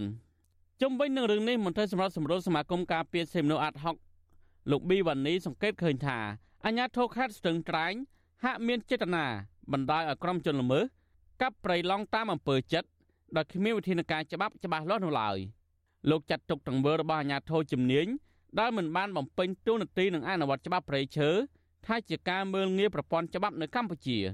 ករណីកាប់ទន្ទ្រានដីព្រៃបររដ្ឋខុសច្បាប់គឺត្រូវទៅដកហូតប៉ុន្តែបើសិនជាដីទាំងអស់នោះជាដីដែលបងប្អូនប្រជាពលរដ្ឋដែលធ្លាប់អាស្រ័យផលរស់នៅជាយូរឆ្នាំមកហើយទៅតាមគោលការណ៍របស់រដ្ឋាភិបាលគឺយើងកាត់ជ្រៀងជូនពួកគាត់ក្រមប្រមត្តនមាត្រា528ចែងថាមន្ត្រីរាជការសាធារណៈមិនប្តឹងបរិហានិងមិនអើពើបង្ក្រាបបទល្មើសស្ថិតនៅក្នុងដែនសមត្ថកិច្ចរបស់ខ្លួន ត្រូវផ្តន្ទាទោសដាក់ពន្ធនាគារពី1ឆ្នាំដល់3ឆ្នាំ និងពិន័យជាប្រាក់ពី2លានរៀលដល់6លានរៀលព្រៃឡង់ស្ថិតនៅក្នុងចន្លោះខេត្តចំនួន4គឺខេត្តក្រចេះស្ទឹងត្រែងព្រះវិហារនិងខេត្តកំពង់ធំត្រូវបានរដ្ឋាភិបាលប្រកាសបង្កើតជាដែនចម្រុះសត្វព្រៃកាលពីឆ្នាំ2016មានផ្ទៃដីជាង4សែនហិកតាដែលស្ថិតនៅក្រោមការគ្រប់គ្រងរបស់ក្រសួងបរិស្ថានខ្ញុំទីនសាការីយ៉ាស៊ីសេរីប្រធានីវ៉ាស៊ីនតោន ចលនានាងកញ្ញាជាទីមេត្រីចាព័ត៌មានបន្តទៅទៀតនេះគឺតកតងនឹងជនភៀសខ្លួនខ្មែរក្រោមដែលកំពុងរស់នៅភៀសខ្លួននៅលើទឹកដីថៃចាអាញាធរថៃបានដោះលែងជនភៀសខ្លួនខ្មែរក្រោម4នាក់កាលពីល្ងាចថ្ងៃទី15ខែវិច្ឆិកាក្រោយបានឃុំខ្លួនពួកគេជាង1ខែពលរដ្ឋខ្មែរក្រោមទាំងនោះត្រូវបានអង្គការសិទ្ធិមនុស្សនៅក្នុងប្រទេសថៃជួយធានាឲ្យនៅក្រៅឃុំដោយបង់ប្រាក់ម្នាក់50000បាតស្មើនឹងជាង1000ដុល្លារ ចំណែកខ្មែរក្រោម6នាក់ទៀតតុលាការនៅមិនទាន់ដោះលែងឲ្យមានសេរីភាពនៅឡើយទេចាសសូមស្ដាប់សេចក្តីរាយការណ៍របស់លោកជាតិចំណានអំពីរឿងនេះមន្ត្រីអន្តោប្រវេសន៍ថៃបានដោះលែងជនភៀសខ្លួនខ្មែរក្រោម4នាក់ប៉ុន្តែ6នាក់ផ្សេងទៀតនៅមិនទាន់ដោះលែងនោះទេដោយអង្គការសិទ្ធិមនុស្សនៅថៃមិនអាចជួយធានាឲ្យនៅក្រៅឃុំបាននោះទេព្រោះពួកគាត់ត្រូវបានអង្គការសហប្រជាជាតិប្រចាំទីក្រុងបាងកកបដិសេធមិនផ្ដល់សិទ្ធិជាជនភៀសខ្លួនពលរដ្ឋខ្មែរក្រៅម្នាក់ដែលកំពុងភៀសខ្លួននៅប្រទេសថៃ ដែលមានប្អូនស្រីជាប់ឃុំក្នុងចំណោម6នាក់ដែលមិនទាន់បានដោះលែងលោកស្រីលីធីយីបប្រាប់វិសុអាស៊ីសេរីនៅថ្ងៃទី17ខែវិច្ឆិកាថាលោកស្រីពុំមានថវិកាសម្រាប់បង់ថ្លៃធានាប្អូនស្រីនោះទេព្រោះរាល់ថ្ងៃរកបានមួយថ្ងៃរស់តែមួយថ្ងៃប៉ុណ្ណោះលោកស្រីស្នើដល់អង្គការសប្បុរសធម៌នានាក្នុងប្រទេសថៃជាពិសេសអង្គការសហប្រជាជាតិឲ្យជួយធានាប្អូនស្រីលោកស្រីឲ្យបាននៅក្រៅឃុំដើម្បីមើលថែកូនតូចអាយុជាង2ឆ្នាំផងព្រោះម្ដាយលោកស្រីមានវ័យចំណាស់មិនអាចមើលថែចៅបាននោះទេនិ យាយទៅសួនភូពីពីពីយប់មិញម៉ែថាវីគេគេគេទេប្រាប់ម៉ែមកហើយគេថាជួយមិនបានទេខេះវាបាត់ហើយងាំតែងាំតែទេមកហ្នឹងគេនៅនេះគេជីងអស់ហើយគេกระดาษស្នាមគេឲ្យអស់គេជីងអស់លេងឲ្យឯងទុំទេប្រាប់ហើយជួយបានក៏ប្រាប់ហើយជួយបានជួយមិនបានក៏ប្រាប់ជួយមិនបានទៅអាគេថាគេរកផ្លូវផ្សេងនេះទុកដល់មួយខែស្រដៀងគ្នានេះដែរពលរដ្ឋខ្មែរក្រៅម្នាក់ទៀតដែលជាជនភៀសខ្លួននៅប្រទេសថៃជាង6ឆ្នាំមកហើយនោះ ថាឪពុកម្ដាយរបស់លោកស្រីកំពុងជាប់ឃុំក្នុងចំណោមមនុស្ស6នាក់ដែលប៉ូលីសថៃមិនទាន់ដោះលែងលោកស្រីនាងស៊ីវេតប្រាប់ថាប៉ូលីសថៃបានបញ្ជូនម្ដាយលោកស្រីនិងស្ត្រីខ្មែរក្រោម2នាក់ផ្សេងទៀតទៅដាក់គុកធំក្នុងក្រុងបាងកកដោយដាក់ឲ្យឆ្ងាយពីឪពុករបស់លោកស្រីលោកស្រីថាឪពុកម្ដាយដែលមានវ័យចំណាស់មានជំងឺប្រចាំកាយហើយលោកស្រីពុំមានលុយសម្រាប់ធានាពួកគាត់ចេញមកវិញទេព្រោះរកស៊ីដោះស្រាយបានតែមួយថ្ងៃមួយថ្ងៃ លោកស្រីថាអង្គការពាក់ព័ន្ធផ្សេងផ្សេងបានធានាថាជួយឲ្យនៅក្រៅឃុំបានតែរហូតមកដល់ពេលនេះមិនទាន់មានដំណោះស្រាយបាននៅឡើយទេគេថាមានលុយប្រកាន់តួឲ្យហើយហើយតែម៉ែគេពងគេពងរាឆែកឲ្យហើយថាដេកតែមកហៀងខ្លួនតែគុកធំនឹងគ្រប់សាសហើយមានឡើងដេកទេដេកតែមិនបាននឹងហៀងខ្លួនទេប៉ូលីសថៃបានចាប់ខ្លួនពលរដ្ឋខ្មែរក្រោមចំនួន10នាក់ដាក់ពន្ធនាគារកាលពីព្រឹកថ្ងៃទី15ខែតុលាកន្លងទៅនៅពេលដែលពួកគេកំពុងធ្វើការនៅផ្សារបន្លែមួយនៅជាយក្រុងបាងកក អាជ្ញាធរថៃបានចោទប្រកាន់ខ្មែរក្រោមទាំងនោះថាបានលួចធ្វើការដោយគ្មានឯកសារត្រឹមត្រូវនិងចូលទឹកដីថៃដោយគ្មានការអនុញ្ញាតប៉ុន្តែពួកគាត់ជាជនភៀសខ្លួនអះអាងថាពួកគាត់គ្រាន់តែជួយធ្វើការថៃម្ដងម្កាលដើម្បីចិញ្ចឹមជីវិតមិនបានទៅធ្វើការងារប្រចាំថ្ងៃនោះទេជុំវិញរឿងនេះប្រធានសមាគមជនភៀសខ្លួនខ្មែរក្រោមប្រចាំប្រទេសថៃលោកលឹកកែវសំណាងលើកឡើងថាលោកត្រេកអរដែលអង្គការសិទ្ធិមនុស្សនៅថៃជួយធានាឲ្យពលរដ្ឋខ្មែរក្រោម4នាក់បាននៅក្រៅឃុំ លោកសង្ឃឹមថាអង្គការនេះនឹងដោះស្រាយឲ្យខ្មែរក្រោម6នាក់ទៀតមានសេរីភាពឡើងវិញព្រោះពួកគាត់ខ្លះមានវ័យចាស់និងខ្លះមានកូនតូចក្នុងបន្ទុកបានឡើងមួយនាក់ទៀតសំខាន់គឺថាវិការយើងថាវិការយើងតែយើងមានថាវិការក៏បានជីកទេទៅ5អឺប្រកាន់5អឺវាមានថាការបានប្រកាន់ខ្លួនវាបានប្រកាន់មានថាវិការដែលប្រកាន់ខ្លួនបានជីកហ្នឹងព្រោះតែគាត់ចាស់ចាស់អស់ចំគុកហ្នឹងយកតែ60អស់ហើយអញ្ញាធរថៃតម្រូវឲ្យជនភៀសខ្លួនខ្មែរក្រោមទាំង6នាក់បង់ប្រាក់ធានាក្នុងម្នាក់50000បាត ស្មើនឹងជាង1000ដុល្លារដើម្បីនៅក្រៅឃុំតែសាច់ញាតិរបស់ពួកគាត់ថាពុំមានថវិកាសម្រាប់បង់ថ្លៃនោះទេព្រោះជីវភាពរបស់ពួកគាត់ខ្វះខាតរកបានមួយថ្ងៃសម្រាប់តែមួយថ្ងៃតែប៉ុណ្ណោះពួកគាត់មានតែសង្ឃឹមទៅលើអង្គការសប្បុរសធម៌នានាឲ្យជួយពួកគាត់ឲ្យនៅក្រៅឃុំឬបញ្ជូនពួកគាត់ទៅតាំងទីលំនៅថ្មីនៅប្រទេសទី3សមាគមខ្មែរក្រោមនិងសហព័ន្ធខ្មែរកម្ពុជាក្រោមកំពុងអំពាវនាវឲ្យសប្បុរសជនផ្ដល់ថវិកាដើម្បីជួយឲ្យខ្មែរក្រោមទាំងនោះអាចនៅក្រៅឃុំបាន បច្ចុប្បន្នសហព័ន្ធខ្មែរកម្ពុជាក្រោមបានផ្ដល់ថវិកាជិត3000ដុល្លារដើម្បីជួយជនភៀសខ្លួនខ្មែរក្រោមទាំងនោះហើយខ្ញុំបាទចិត្តចំណាន Visual Assisray ពីរដ្ឋធានី Washington លោកអ្នកនាងកញ្ញាជាទីមេត្រីព័ត៌មានតកតងនឹងបញ្ហាដីធ្លីឯនេះវិញប្រជាសហគមន៍ជាង300គ្រួសារមកពីខេត្តចំនួន3កាលពីព្រឹកថ្ងៃទី17ខែវិច្ឆិកាម្សិលមិញបានប្រមូលផ្ដុំគ្នា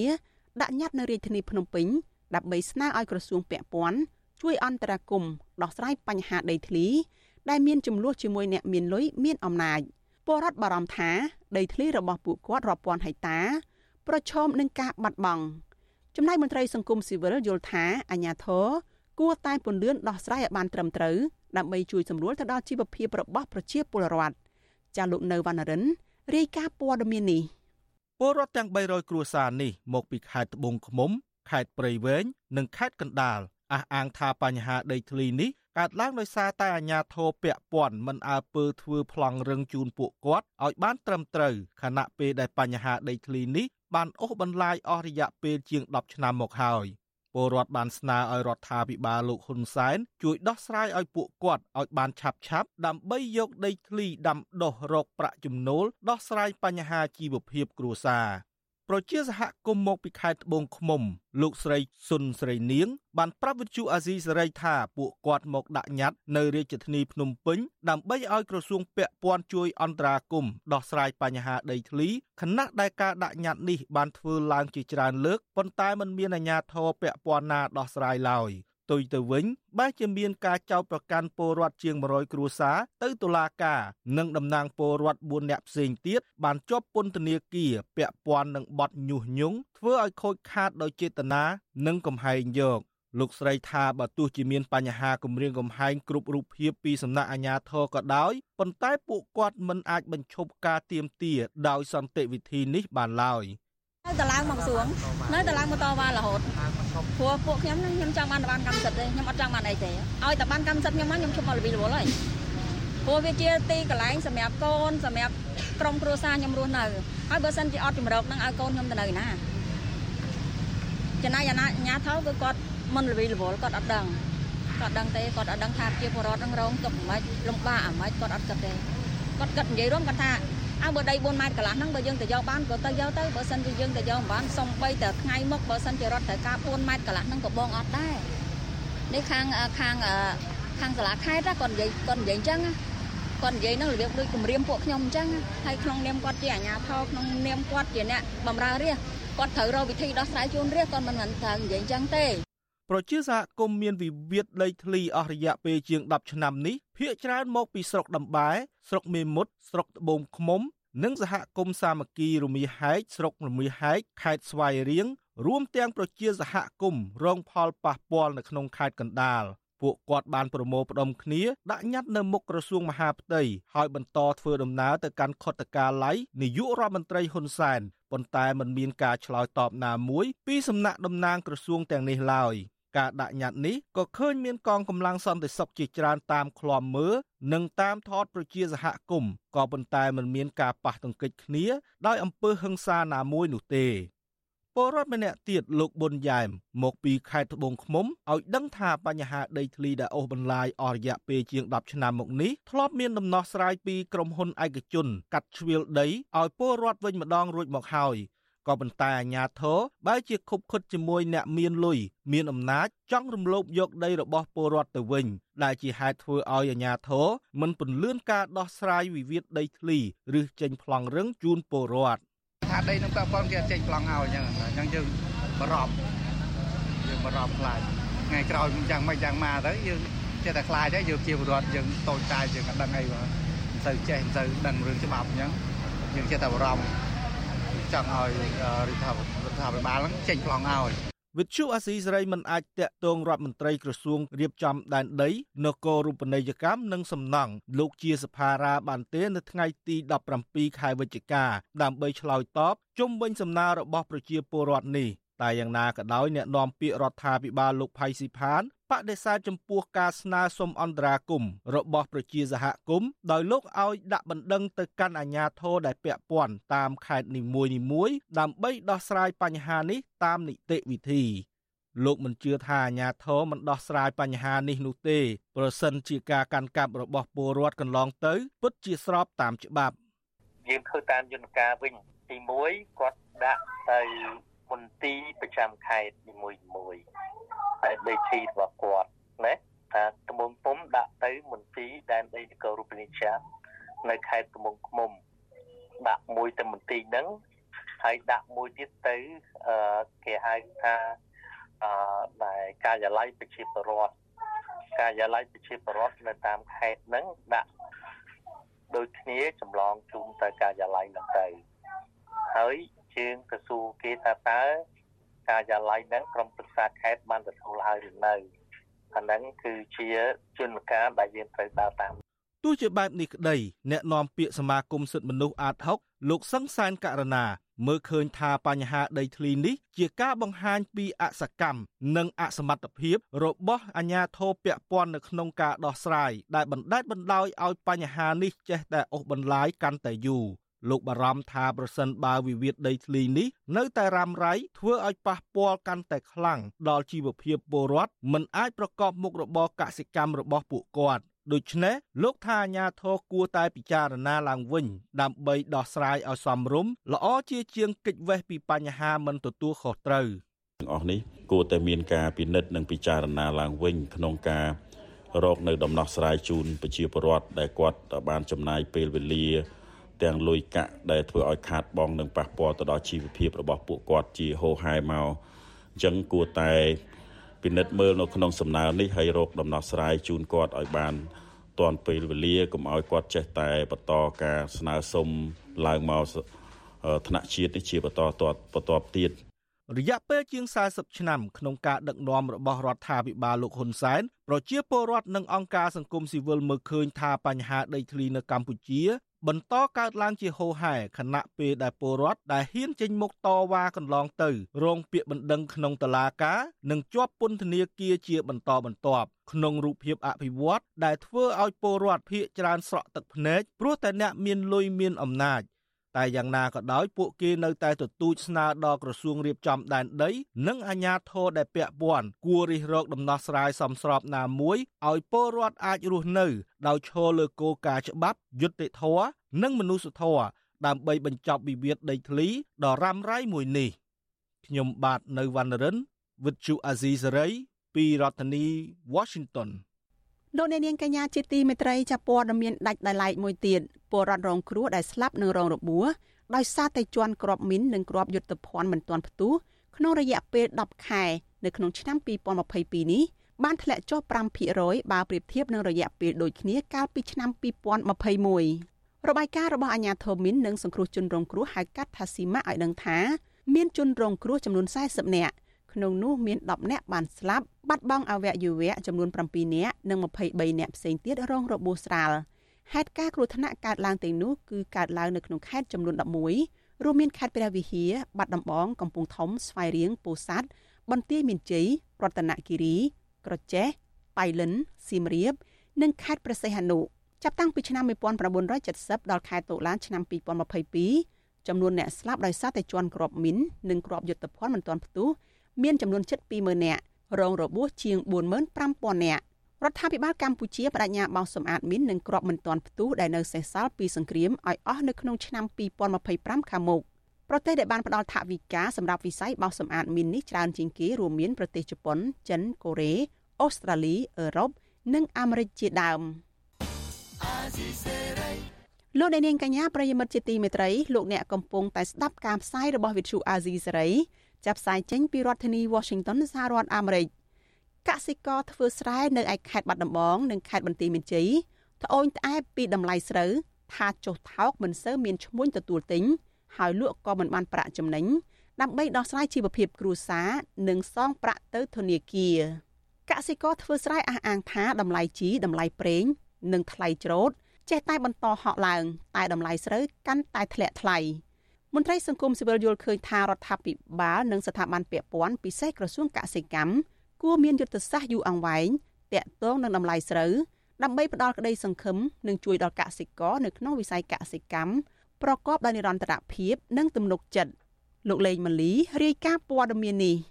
កសិករធ្វើស្រែនៅខេត្តបាត់ដំបងនិងខេត្តបន្ទាយមានជ័យអស់សង្ឃឹមចំពោះមុខរបរធ្វើស្រែខណៈតម្លៃស្រូវនៅតែធ្លាក់ថ្លៃ ទោះបីក្រសួងប្រកាសទទួលទិញក្នុងតម្លៃកំណត់ថេរពួកគាត់យល់ថាការរកដំណោះស្រាយបញ្ហាតម្លៃស្រូវហាក់បរាជ័យព្រោះតម្លៃស្រូវបរទេសជិតខាងគឺមានតម្លៃសមរម្យហើយការចំណាយប្រាក់ដើមធ្វើស្រែក៏មានតម្លៃទាបកសិករធ្វើស្រែនៅស្រុកស្វាយជែកខេត្តបន្ទាយមានជ័យលោកស្រីញេបស្រីហំប្រាប់វិទ្យុអស៊ីសេរីនៅថ្ងៃទី17វិច្ឆិកាថាលោកស្រីធ្វើស្រែជិត7ហិកតា និងកំពុងប្រមូលផលទើបតែបាន9តោនប៉ុណ្ណោះ ប៉ុន្តែលោកស្រីចំណាយប្រាក់ដើមអស់9លានរៀលហើយលោកស្រីថាតម្លៃស្រូវលោកស្រីលក់ដំបងតម្លៃជាង10បាតប្រាក់ថៃប្រមាណជាង1000រៀលក្នុង1គីឡូក្រាមប៉ុន្តែនៅថ្ងៃទី16វិច្ឆិកាបែរជាធ្លាក់ថ្លៃដល់8បាតស្មើជាង900រៀលក្នុង1គីឡូក្រាមទៅវិញលោកស្រីញេបស្រីហំបារម្ភពីជីវភាពគ្រួសារទៅថ្ងៃក្រោយព្រោះតម្លៃទំនិញតម្លៃជីតម្លៃប្រេងនិងប្រាក់ដើមធ្វើស្រែច្រើនហួសប៉ុន្តែទិន្នផលបានមកវិញមិនសមនឹងការចំណាយ លោកស្រីអំពាវនាវដល់រដ្ឋាភិបាលឲ្យជួយដោះស្រាយតម្លៃស្រូវកុំឲ្យធ្លាក់ថ្លៃក្រោម10បាតក្នុង1គីឡូក្រាមព្រោះអ្វីគ្រប់យ៉ាងឡើងថ្លៃធ្វើឲ្យប៉ះពាល់ដល់កសិករច្រើនលោកស្រីញេបស្រីហំបញ្ជាក់នៅថ្ងៃទី17វិច្ឆិកាថាប្តីលោកស្រីដឹកស្រូវទៅលក់បានតម្លៃត្រឹមតែ8បាតស្មើនឹងជាង900រៀលប៉ុណ្ណោះក្នុង1គីឡូក្រាមដែលផ្ទុយនឹងការប្រកាសរបស់ក្រសួងកសិកម្ម ការចំណាយទុនក្នុងឆ្នាំនេះគឺវាច្រើនមែនទែនជាងឆ្នាំមុនមុនដោយសារតែទីតាំងរត់ឆ្នាំសម្រាប់សត្វល្អិតហើយតំណែងផ្សេងផ្សេងវាឡើងថ្លៃខ្លាំងទៅតែគុណនឹងទីអាមហឹកតែខ្ញុំចុះព្រោះធ្វើស្រែហ្នឹងបងមិនធ្លាក់ថ្លៃទៅរណាទៅយើងចំណាយទុនច្រើនដល់ពេលតម្លៃស្រូវដែលយើងលក់បានវាអត់សមមាត្រទេអត់សមមាត្រនឹងអ្វីដែលយើងចំណាយចឹងទៅបានបងប្អូនជាពលរដ្ឋយើងងំគ្នាតែរឿងសើថោកសិករធ្វើស្រែម្នាក់ទៀតនៅខេត្តបាត់ដំបងលោកសូនពីង លើកឡើងថាទិន្នផលឆ្នាំនេះមានការធ្លាក់ចុះជាងឆ្នាំមុនចំណែកតម្លៃស្រូវក៏ចុះថោកខ្លាំងដែលមិនអាចទូទាត់នឹងការចំណាយប្រាក់ដើមឡើយលោកបន្តថាស្រែ1ហិកតាត្រូវប្រើជីអស់ចំនួន6ការុងដែលអាចទទួលបានទិន្នផលប្រមាណ4តោនតម្លៃជីថ្លៃតែតម្លៃស្រូវថោករួមទាំងខូចខាតមួយចំនួនដោយទឹកចំនួនទៀតគឺធ្វើឲ្យពួកលោកជួបការលំបាកខ្លាំងក្នុងជីវភាព។ បើមុខរបរកសិកម្មនេះក៏ថ្ងៃយើងនិយាយអត់កើតដែរដោយសារប្រព័ន្ធទឹកយើងមិនមានគ្រប់គ្រាន់ទី1ទី2ជំរើសពូជទី3ជីថ្នាំយើងយកមកថ្លៃទាំងអស់ថ្លៃទាំងអស់ហ្នឹងអាទិន្នផលស្រូវវាមិនសូវបានផលដោយសារពូជយើងរត់តំណពូជរាប់សិបទសវត្សរ៍អទិន្នផលទៀតហើយមានកន្លះរស់ទេ លុះត្រាដែលយើងអភិវឌ្ឍប្រព័ន្ធបន្លាយនិងស្រោចស្រពយើងមានមានប្រភពធំធំនេះប៉ុន្តែការចែកចាយវាដូចអត់ឆ្លើយតបតាមតម្រូវការតែកន្លងមកទេអានេះកសិករលុះបើបើបានភោគផលផលបាត់ទៀតហើយទិន្នផលតម្លៃស្រូវទៅនៅឆ្នាំចាប់ពី12000 11000ណាបានទេស្របពេលដែលកសិករធ្វើស្រែកំពុងត្អូញត្អែអំពីតម្លៃស្រូវចុះថោកនេះប្រទេសកម្ពុជាក៏បានជាប់ជ័យលាភី សម្រាប់អង្គផ្ការរំដួលជាអង្គល្អដាច់គេប្រចាំឆ្នាំ2022ក្នុងសន្និសីទអង្គពិភពលោកដែលធ្វើឡើងនៅខេត្តភូកេតប្រទេសថៃនៅថ្ងៃទី17វិច្ឆិកាវាជាលើកទី5ហើយដែលកម្ពុជាទទួលបានជ័យលាភីអង្គល្អក្នុងនោះរួមមានឆ្នាំ2012ឆ្នាំ2013ឆ្នាំ2014ឆ្នាំ2018និងឆ្នាំ2022នេះ ក្រុមមន្ត្រីរដ្ឋាភិបាលនាំគ្នាបង្ហោះសារអបអរសាទរចំពោះជ័យលាភីអង្គល្អដាច់គេនេះប៉ុន្តែកសិករនៅតែរិះគន់ថាពុំមានប្រយោជន៍ឡើយព្រោះពួកគាត់នៅតែជួបបញ្ហាកង្វះទីផ្សារនិងតម្លៃស្រូវចុះថោកដដែលកសិករធ្វើស្រែនៅតែយល់ឃើញថាកត្តាដែលនាំឲ្យស្រូវធ្លាក់ថ្លៃគឺមកពីកម្ពុជាមានឈ្មួញទិញស្រូវផ្ដាច់មុខហើយគ្មានឈ្មួញច្រើនប្រកួតប្រជែងវិទ្យុអស៊ីសេរីមិនអាចតាក់ទងแนะនាំពាក្យក្រសួងកសិកម្មលោកស្រីវុធី ដើម្បីសូមសេចក្តីអធិប្បាយជុំវិញរឿងនេះបានទេ នៅថ្ងៃទី17វិច្ឆិកាដោយសារទូរស័ព្ទគ្មានអ្នកទទួលប៉ុន្តែក្រសួងកសិកម្មកាលពីថ្ងៃទី16វិច្ឆិកាបានចេញសេចក្តីប្រកាសព័ត៌មានស្តីពីវឌ្ឍនភាពនៃការដោះស្រាយបញ្ហាដោយបញ្ជាក់ថាអគ្គនាយកនៃរោងម៉ាស៊ីនកិនស្រូវបៃតងលោកអុកញ៉ាភូពុយទទួលទិញស្រូវក្នុងតម្លៃថេរដោយកំណត់តម្លៃសម្រាប់ស្រូវផ្ការំដួលប្រភេទលេខ1តម្លៃ9បាតស្មើនឹងជាង1000រៀលក្នុង1គីឡូក្រាម ក្រសួងកសិកម្មលើកឡើងថាខែវិច្ឆិកានិងពាក់កណ្ដាលខែធ្នូជាពេលប្រមូលផលស្រូវរដូវវស្សារបស់កសិករជាពិសេសប្រភេទពូជស្រូវរំដួលជាហេតុធ្វើឲ្យរោងម៉ាស៊ីនកិនស្រូវត្រូវកកស្ទះនិងជះឥទ្ធិពលដល់តម្លៃស្រូវក្នុងពេលដែលកសិករសម្រុកប្រមូលផលធ្វើឡើងព្រមព្រំគ្នា ដែលធ្វើឲ្យបរិមាណស្រូវមានចំនួនច្រើនទន្ទឹមនឹងនេះក្រសួងកសិកម្មក៏អំពាវនាវដល់កសិករឲ្យតាក់ទងតាមទូរស័ព្ទទៅក្រុមការងារក្រសួង ដើម្បីសម្របសម្រួលជាមួយរោងម៉ាស៊ីននៅពេលលក់ស្រូវដោយខេត្តបន្ទាយមានជ័យមានលេខទូរស័ព្ទ012 838 937និងខេត្តបាត់ដំបងទូរស័ព្ទលេខ095 551និង111ការឆ្លើយតបរបស់ក្រសួងនេះគឺបន្ទាប់ពីប្រជាកសិករនាំគ្នាថតបង្ហោះរូបភាពប្រងព្រាតពីសកម្មភាពដឹកស្រូវទៅលក់និងត្អូញត្អែអំពីតម្លៃស្រូវចុះថោកនៅលើ Facebook ជាបន្តបន្ទាប់ក្នុងរយៈពេលប្រមាណថ្ងៃនេះជុំវិញរឿងនេះប្រធានសម្ព័ន្ធសហគមន៍កសិករកម្ពុជា លោកថេងសាវឿនយល់ថាពលរដ្ឋមានសិទ្ធិបង្ហាញពីទុកកង្វល់របស់ពួកគេទាក់ទងនឹងកសិផលចុះថោកឲ្យមហាជនដឹងហើយស្ថាប័នពាក់ព័ន្ធគួរតែដោះស្រាយបញ្ហានេះជូនពលរដ្ឋឲ្យទាន់ពេលវេលា លោកបន្តថារដ្ឋត្រូវមានយុទ្ធសាស្ត្រនិងបង្កើនថវិកាជាតិគ្រប់គ្រងវិស័យកសិកម្ម ដោយផ្ដល់ថវិកានេះទៅរោងម៉ាស៊ីនកិនស្រូវឬអ្នករកស៊ីកែច្នៃស្រូវហើយត្រូវធានាឲ្យម្ចាស់រោងម៉ាស៊ីនទិញស្រូវពីប្រជាកសិករក្នុងតម្លៃសមស្របណាមួយដែលអាចទទួលយកបាន។ ក្រសួងបានប្រកាសអំពីខេត្តបាត់ដំបងជាមានជ័យមានអ្នកទទួលទិញដោយអង្គការពំពុយដែលគាត់ជួយក៏ប៉ុន្តែយើងឃើញថាតម្លៃនេះនៅមានកម្រិតមិនទាន់បានភ្លាមភ្លាមអញ្ចឹងគួរតែត្រូវបានផ្សព្វផ្សាយដោយមន្ទីរឬក៏អាជ្ញាធរណមូលដ្ឋានឲ្យរងចាំនៃការលក់ស្រូវនេះហើយតើតើវិសាលភាពនៃការលក់ឲ្យមានតម្លៃខ្ពស់សមរម្យនេះបានដោយកម្រិតណាដើម្បីធានាថាកសិករដែលលក់ស្រូវចេញទៅមិនខាតបង់ហើយគាត់ទទួលបាននៅប្រាក់ចំណេញហើយគាត់មានក្តីសុខរីករាយមិនព្រួយបារម្ភខ្វល់ទៅលើការខាតបង់ដោយសារការធ្វើស្រែធ្វើចម្ការធ្វើស្រូវនេះកាលពីថ្ងៃទី15ខែវិច្ឆិកាក្រសួងកសិកម្មបានអំពាវនាវកុំឲ្យពលរដ្ឋបង្ហោះនិងចែករំលែកព័ត៌មានបញ្ហាស្រូវចុះថោកដោយព្រួយបារម្ភពីកសិករផ្សេងទៀតដែលមិនទាន់ប្រមូលផលប្រញាប់ច្រូតស្រូវតាមទាំងមិនទាន់គ្រប់គុណភាពលក់ដែរហើយនឹងធ្វើឲ្យតម្លៃស្រូវកាន់តែធ្លាក់ចុះទៀតក្រសួងបានចាត់អនុរដ្ឋលេខាធិការចំនួន2រូបគឺលោកខីកុសល និងលោកឈុំឆុនលី និងក្រុមការងារឲ្យចុះទៅដោះស្រាយជូនប្រជាកសិករជាក់ស្ដែងនៅខេត្តបន្ទាយមានជ័យនិងខេត្តបាត់ដំបងកន្លងមករដ្ឋមន្ត្រីនៃក្រសួងកសិកម្មរុក្ខាប្រមាញ់និងនេសាទថ្មី ដែលឡើងកាន់តំណែងមួយខែ កាលពីថ្ងៃទី17ដុល្លារលោកដិតទីណាធ្លាប់បានបដិញ្ញាថានឹងប្រែក្លាយកសិកម្មកម្ពុជាទៅជាកសិកម្មកាន់តែទំនើបមាននិរន្តរភាពធន់នឹងអាកាសធាតុនិងធ្វើយ៉ាងណាឲ្យកសិករចំណាយតិចហើយចំណេញច្រើនជាដើម ពលរដ្ឋនិងសង្គមស៊ីវិលអំពាវនាវដល់រដ្ឋាភិបាលនិងស្ថាប័នពាក់ព័ន្ធឲ្យរកវិធីសាស្ត្រដោះស្រាយបញ្ហាតម្លៃស្រូវដល់កសិករឲ្យទាន់ពេលវេលា និងលើកទឹកចិត្តកសិករកុំឲ្យពួកគេបោះបង់មុខរបរធ្វើស្រែដើម្បីទប់ស្កាត់កសិករធ្វើចំណាក់ស្រុកទៅធ្វើការនៅក្រៅប្រទេសក្រោយអស់សង្ឃឹម។សង្គមស៊ីវិលបារម្ភពីការបាត់បង់កសិករផលិតស្រូវនិងធ្វើឲ្យប៉ះពាល់ខ្សែចង្វាក់ផលិតកម្មក្នុងការនាំស្រូវអង្ករចេញនៅថ្ងៃខាងមុខ ខ្ញុំបាទលេងម៉ាលីវិទ្យុអាស៊ីសេរីពីរដ្ឋធានី Washington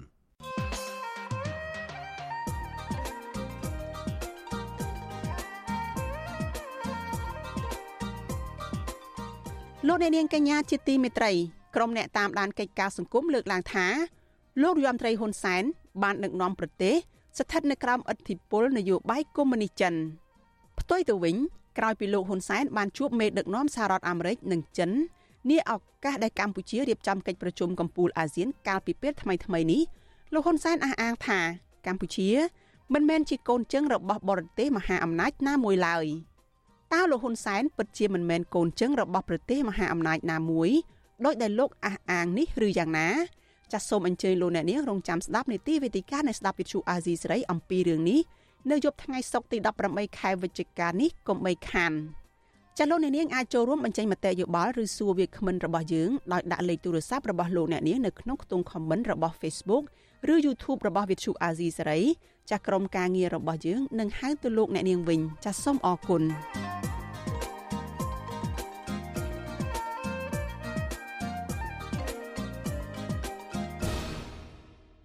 លោកអ្នកនាងកញ្ញាប្រិយមិត្តជាទីមេត្រីការផ្សាយរយៈពេល1ម៉ោងរបស់វិទ្យុអាស៊ីសេរីជាភាសាខ្មែរនៅព្រឹកនេះ ចាប់ត្រឹមតែប៉ុណ្ណេះនាងខ្ញុំសុជីវីព្រមទាំងក្រុមការងារទាំងអស់នៃវិទ្យុអាស៊ីសេរីសូមជូនពរដល់លោកអ្នកនាងកញ្ញានិងក្រុមគ្រួសារទាំងអស់ចាសសូមប្រកបតែនឹងសេចក្តីសុខចម្រើនរុងរឿងកំបីគ្លៀងគ្លាតឡើយនេះខ្ញុំសូមអរគុណនិងសូមជម្រាបលា